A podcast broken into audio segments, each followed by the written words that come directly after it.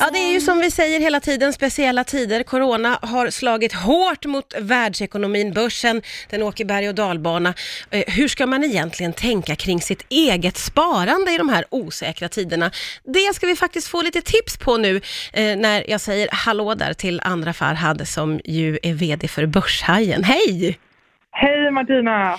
Du, eh, hur ska man göra om man har lyckats spara ihop lite pengar som man har någonstans? Hur ska man tänka kring sitt sparande tycker du? Ja, alltså börsen åker ju precis som du sa berg och dalbana just nu. Och eh, det är väldigt viktigt att komma ihåg att eh, om man tittar på hur börsen har gått sista hundra åren Mm. och om man tittar på alla de stora krascherna som vi har haft, typ svarta måndagen 1987, IT-bubblan som sprack 2000, finanskrisen 2008, så har det över tid gått upp och alla de här stora kriserna är bara små, små hack i den här kurvan. Mm. Men med det sagt så tar det oftast tid för börsen att återhämta sig. Så att har man lite pengar som ligger och vill börja investera dem Mm. så är det ett perfekt läge att göra det nu. Eh, Men det man ska komma ihåg är ju just långsiktigheten. Så behöver man de här pengarna om två år för att man vill köpa en lägenhet eller ett sommarställe ja men då ska de nog ligga på sparkontot. Men när det är pengar man kan avvara i sig fem till tio år ja, men då tycker jag att man ska sätta in dem på börsen. Så det låter ändå på dig som att man ska ta ett djupt andetag och inte ha liksom något panik här nu. Nej, man ska ha is i magen för att det, det brukar återhämta sig. Det finns ju såklart inga garantier för att det gör det. Men om man tittar på hur det har gått historiskt så går ju det oftast upp över tid. Mm. Och ett sparande på börsen är ju faktiskt det absolut bästa sparandet om man jämför med både pengar som ligger på konto och pengar som ligger på sparkonton. Mm. Eh, så brukar man ofta som långsiktig sparare tjäna mest på att ha pengarna investerade på börsen. Men du menar också att det här är ett bra tillfälle att börja spara?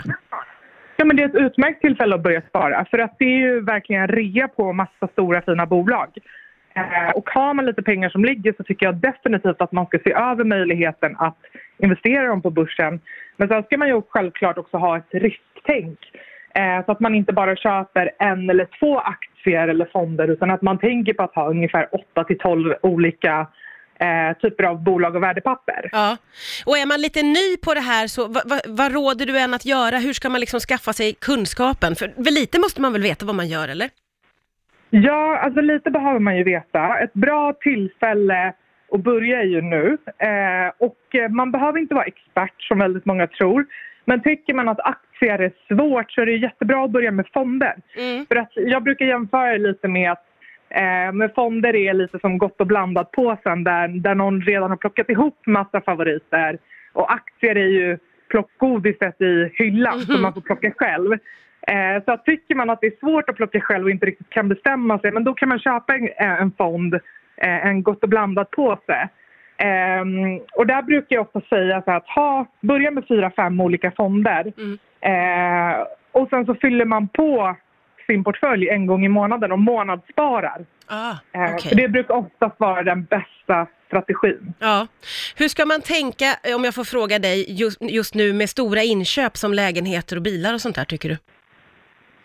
Ja, men jag som ändå förespråkar sparande på börsen tycker ju såklart att man ska vänta med det och, eh, och försöka investera lite pengar. Men det är ju väldigt olika och det beror lite på hur situationen ser ut Ja. eh, för alla. Ja. Så att, eh, det är en väldigt individuell fråga. Men har man möjlighet då eh, avvara lite pengar så tycker jag definitivt att man ska spara dem på börsen. Mm. För det man ska komma ihåg är att sex års börsuppgång har ju raderats ut. Mm. Så att vi har ju möjlighet att men, hämta hem lite avkastning om man börjar nu, Mm. det vill säga. Andra Farhad, det är så himla intressant och lärorikt och roligt att få prata med dig. Jag hoppas att du har möjlighet att titta förbi snart någon gång.